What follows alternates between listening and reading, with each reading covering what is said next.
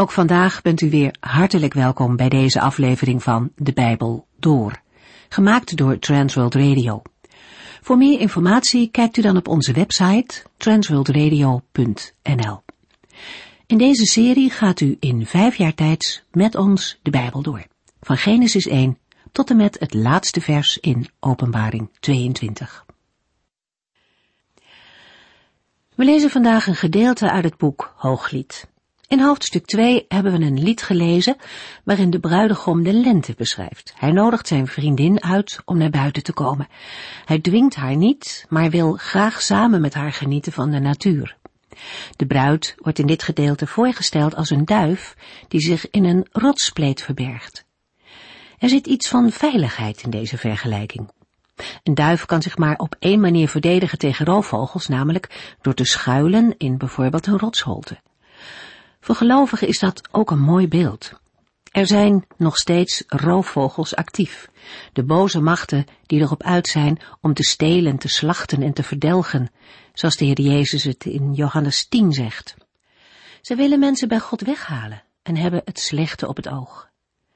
In tegenstelling tot de Heer Jezus, hij is gekomen om leven en overvloed te brengen. Het zijn twee uitersten waar we het over hebben. Leven tegenover dood. Zegen tegenover ellende. Er is strijd gaande om de zielen van mensen. En in die strijd is het nergens veiliger dan bij de rots met een hoofdletter, bij de Heer Jezus. Hij is een schuilplaats. In vers 15 van Hooglied 2 komen we ook een vijand tegen. De vossen. Kleine vossen kunnen de wijngaarden bederven. Ze vernielen de bloeiende wijnstokken, waardoor die later in het seizoen geen vrucht meer dragen. Die vosjes moeten dus gevangen worden. Het zijn niet altijd de grote verzoekingen die ons geestelijk leven bedreigen, maar juist kleine ergernissen, roddels. Die kunnen schade toebrengen en het dragen van vrucht belemmeren.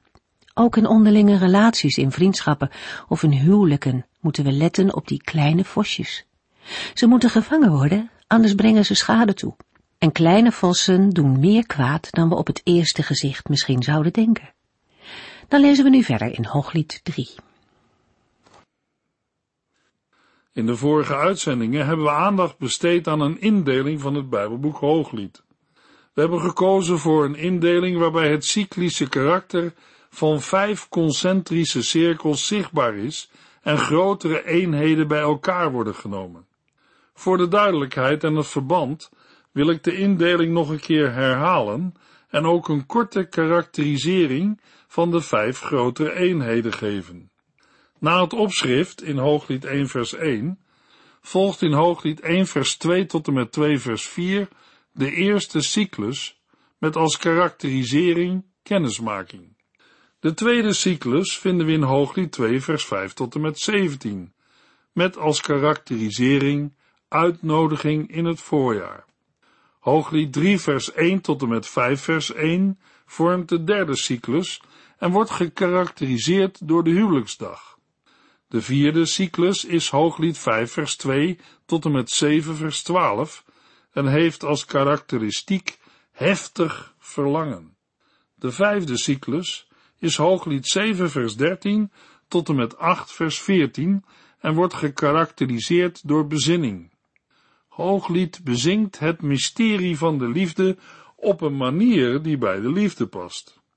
De logica van de liefde vraagt dat bepaalde situaties en motieven steeds worden herhaald.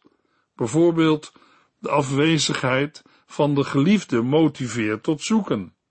De zoektocht en het vinden van de geliefde lopen uit op een intermezzo van vereniging.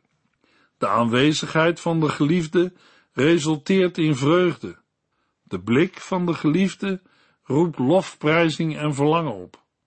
Met Hooglied 3 vers 1 beginnen we met de derde cyclus waarin het over de huwelijksdag gaat.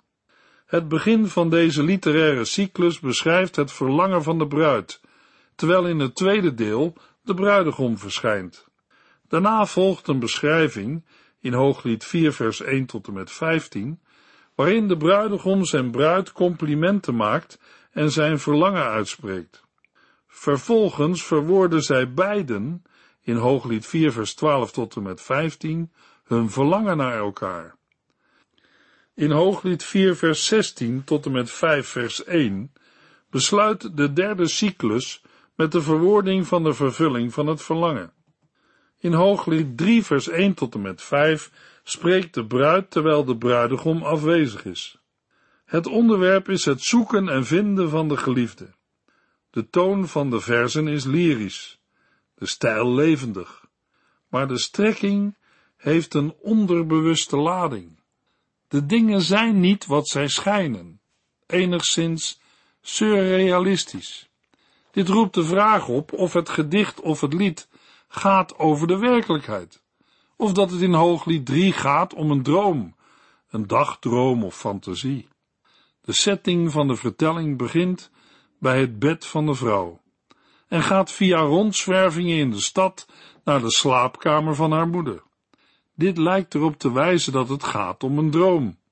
Het is opmerkelijk dat de vrouw tweemaal zichzelf citeert, om zo haar eigen gedachten en gevoelens te benadrukken. Hooglied 3 vers 1 en 2 In mijn slaap zocht ik mijn liefste. Ik zocht en zocht, maar kon hem niet vinden. Ik wilde opstaan en in de stad naar hem zoeken. In mijn droom zocht ik mijn liefste op straten en pleinen, maar vond hem niet. De openingszin is raadselachtig en roept vragen op, maar het lijkt erop dat de vrouw in een nacht voor haar huwelijk dromend naar haar geliefde verlangt.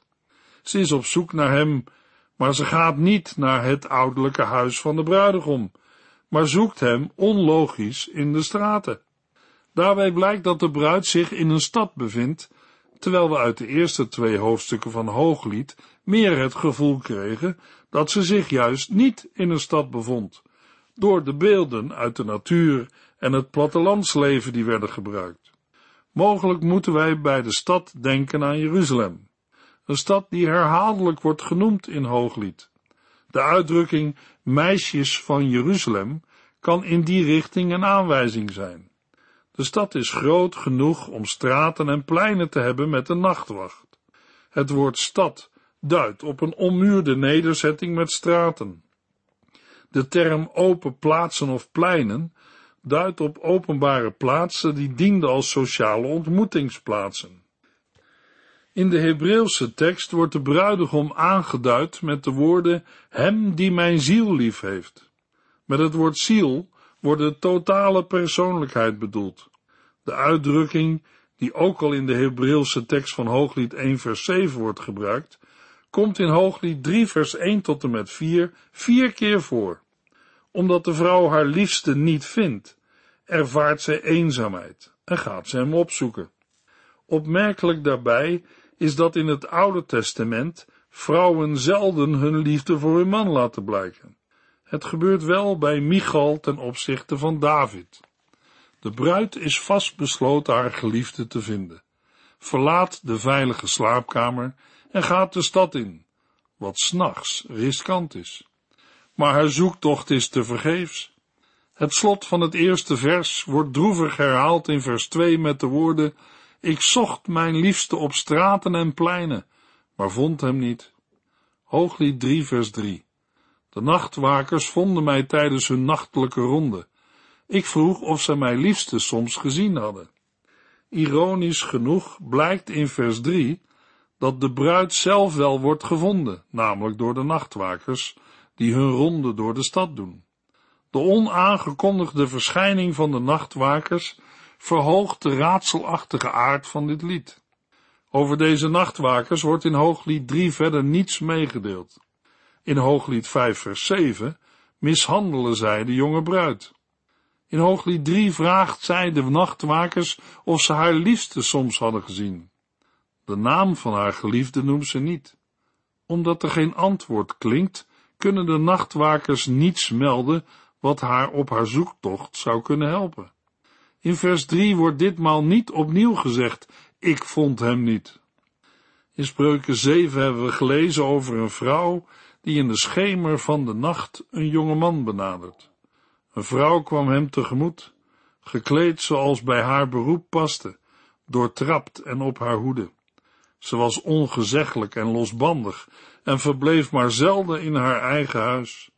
Soms liep ze door de stad, soms hing ze op een straathoek rond.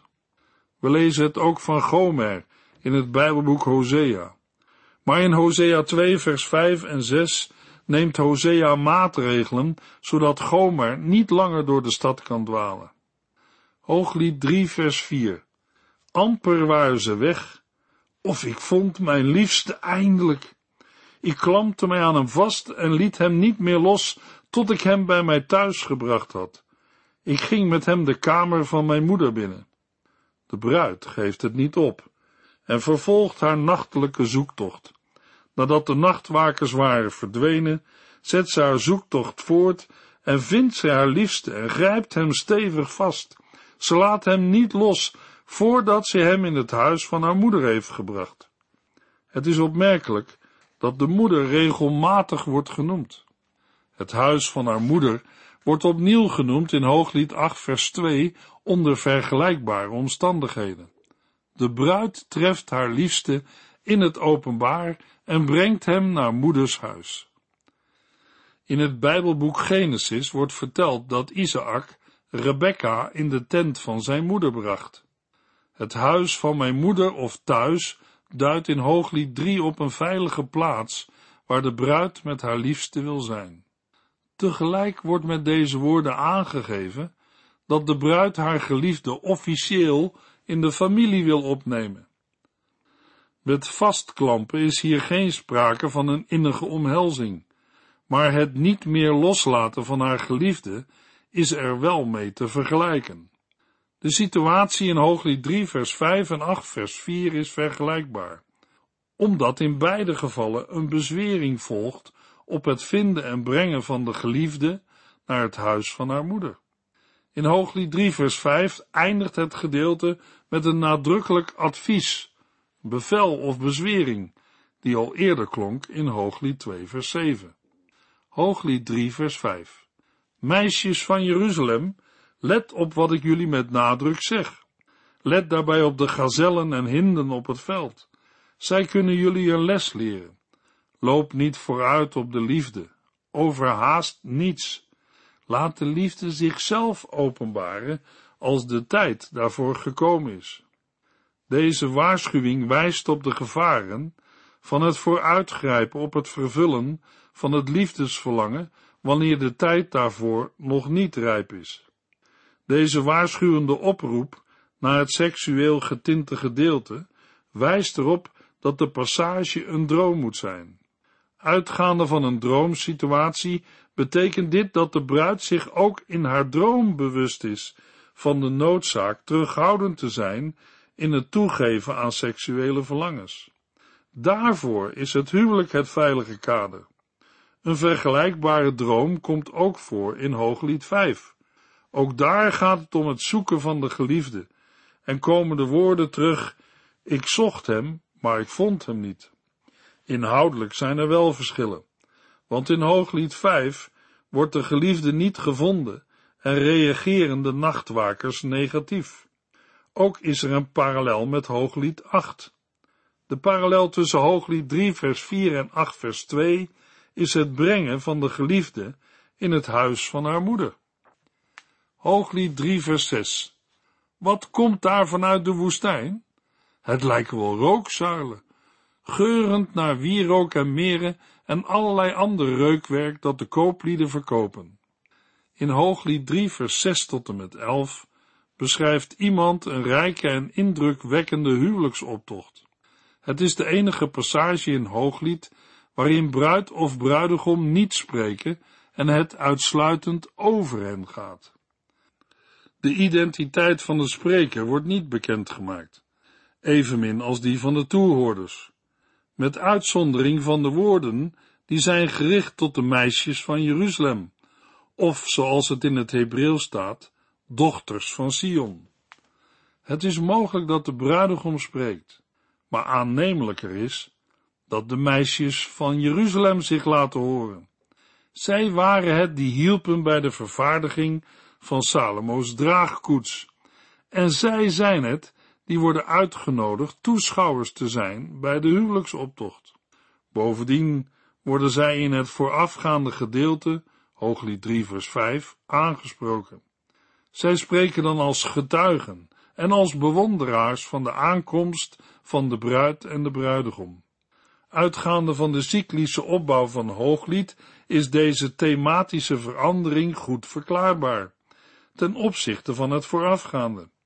De versen 6 tot en met 8 vormen een literaire eenheid, die een optocht uit de woestijn beschrijven, met daarna, in de versen 9 en 10, de beschrijving van Salomo's vervoermiddel.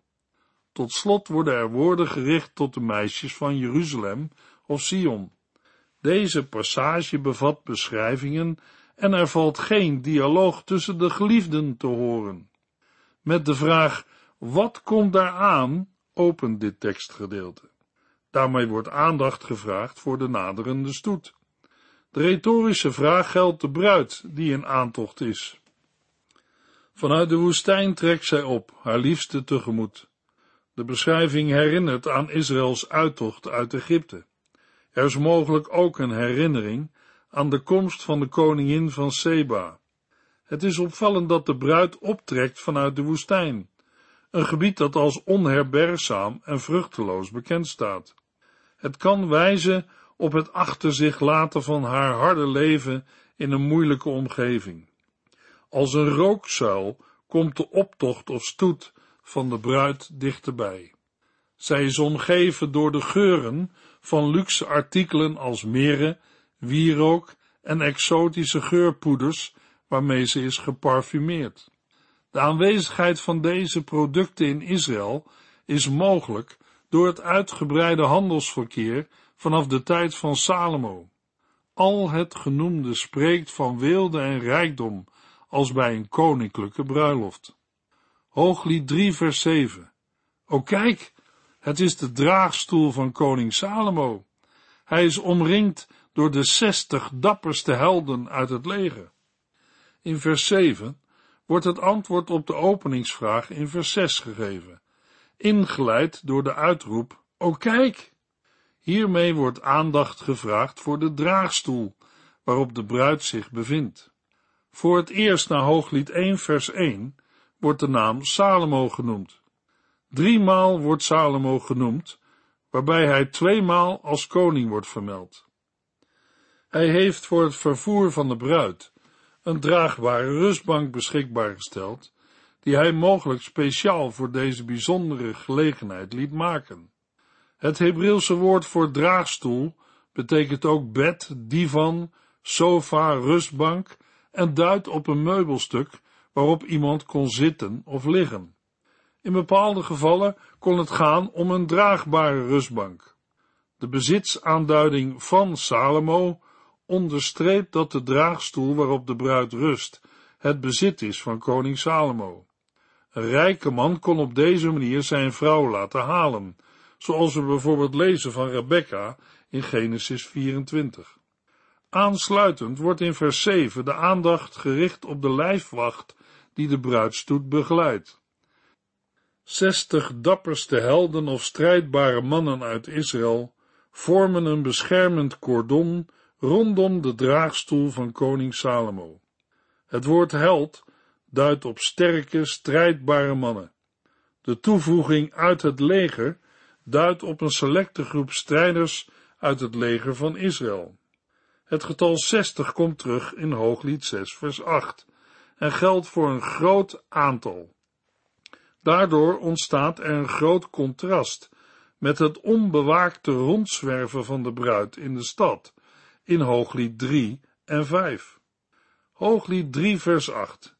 Ze zijn allemaal goed getraind en dragen op de heup een zwaard om paraat te zijn bij de nachtelijke aanvallen. Deze lijfwacht bestaat uit mannen die alle getraind zijn in zwaardvechten en oorlogsvoering. Ieder van hen heeft het zwaard paraat op de heup, slagvaardig ter verdediging tegen eventueel nachtelijke dreigingen. Het zijn allemaal goed geoefende strijders. Bij de genoemde nachtelijke dreigingen moeten we denken aan wilde dieren en rovers. Hooglied 3 vers 9 en 10 Koning Salomo heeft voor zichzelf een draagkoets laten maken van hout uit de bossen van de Libanon. De spijlen heeft hij van zilver laten maken en de leuning van puur goud. De zitting is bekleed met dieprode stof. De binnenkant van de koets is bekleed met prachtige geschenken, die de meisjes van Jeruzalem de koning uit liefde hebben gegeven. In vers 9 en 10 lezen we over de weelderige draagstoel die Salomo voor zichzelf liet maken, van hout uit de bossen van de Libanon. Deze uitdrukking komt verder niet voor in Hooglied, wel worden ceders en Libanon genoemd. Salomo gebruikte ook bomen van de Libanon voor de bouw van de tempel en zijn paleis. De draagkoets of draagstoel is een kostbaar en artistiek vervoermiddel geworden. Opvallend is de overeenkomst tussen Hooglied 3 vers 10 en Hooglied 5 vers 15 door de woorden spijlen of pilaren, goud en hout uit de bossen van de Libanon. Ook de gouden rugleuning en de zitting van dieprode stof of purper bevestigen het kostbare van de draagkoets. Het kan daarbij gaan om met zilver en goud overtrokken houten onderdelen van de draagstoel of draagkoets, maar ook om decoraties of inlegwerk. Het woord spijl heeft hier de betekenis van stijl, pilaar of zuil. Hierbij kan worden gedacht aan rechtopstaande stijlen rondom de zitting, waaraan gordijnen van stof konden worden bevestigd, om de draagstoel rondom en boven af te sluiten als een soort baldakijn. De stijlen zijn eerder met zilver overtrokken dan van massief zilver, zoals dat ook in de tabernakel het geval was. Het woord zuil of pilaar komt ook voor met betrekking tot de tabernakel en Salomo's paleis. Over de grote hoeveelheden goud en zilver in de tijd van Salomo is meer te lezen in 1 Koningen 10. Het woord leuning komt alleen in Hooglied 3 voor. De leuning was met goud overtrokken. In geval van een kussen van goud, bijvoorbeeld van een rugleuning, kan gedacht worden aan een bekleding die met gouddraad is bewerkt. De woorden dieprode stof of purper komt ook voor in de beschrijving van de tabernakel en de kleding van de hoge priester. Als dure kleurstof, gemaakt van de purperslakken, kan purper ook op koninklijke waardigheid wijzen. Het woord dieprood of purper komt ook voor in Hooglied 7 vers 5, waar het vertaald wordt met koperrood. Het binnenwerk van de draagkoets is met liefde bekleed door de meisjes van Jeruzalem.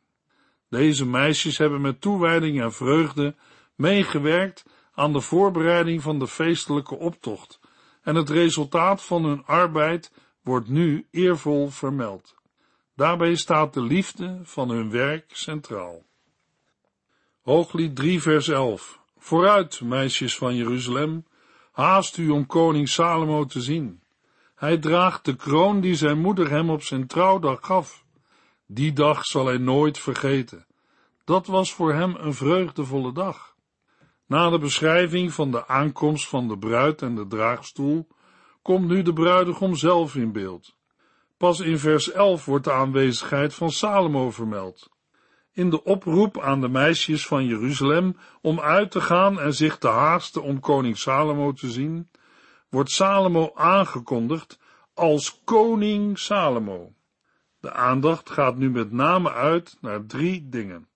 De kroon die hij draagt, het optreden van zijn moeder en de vreugde op zijn huwelijksdag.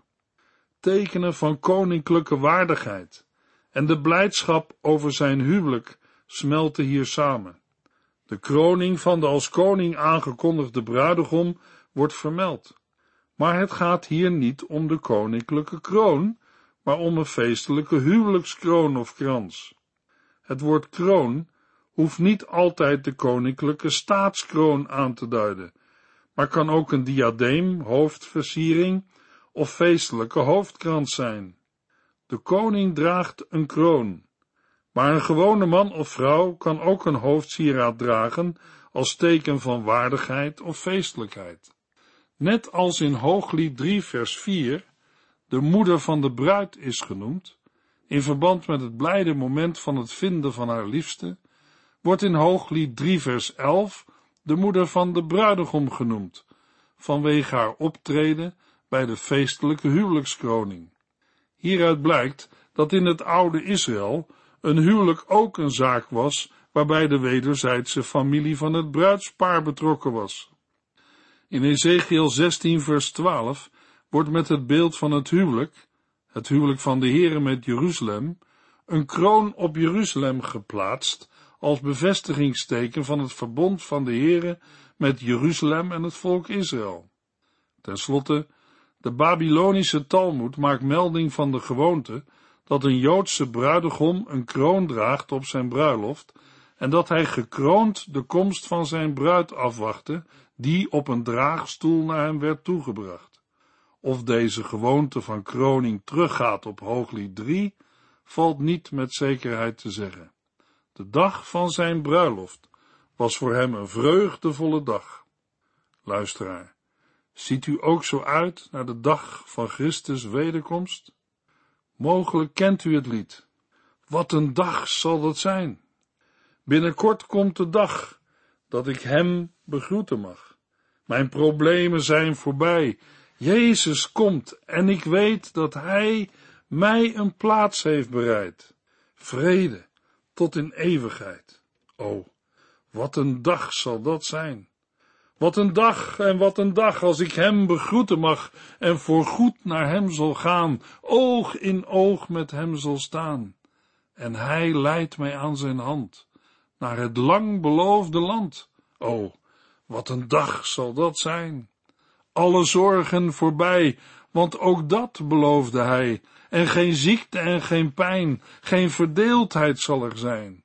Maar wij juichen voor de troon, zijn voor altijd bij Gods Zoon. O, wat een dag zal dat zijn. Ja, wat een dag, als ik hem begroeten mag, oog in oog met hem zal staan. O, wat een dag zal dat zijn. In de volgende uitzending lezen we verder in Hooglied 4. U heeft geluisterd naar De Bijbel Door, in het Nederlands vertaald en bewerkt door Transworld Radio. Een programma waarin we in vijf jaar tijd de hele Bijbel doorgaan. Als u wilt reageren op deze uitzending of u heeft vragen, dan kunt u contact met ons opnemen. Tijdens kantooruren kunt u bellen op 0342 47 8432. 0342 47 8432. Ook kunt u een e-mail sturen naar de at transworldradio.nl en natuurlijk kunt u ook via de post ons bereiken. TWR, postbus 371, postcode 3770, AJ in Barneveld. Dit programma werd gepresenteerd door Cor Weda en Ike André. Techniek was in handen van Odin van Voerkom. En wij allemaal bedanken u voor het luisteren. Graag tot de volgende keer.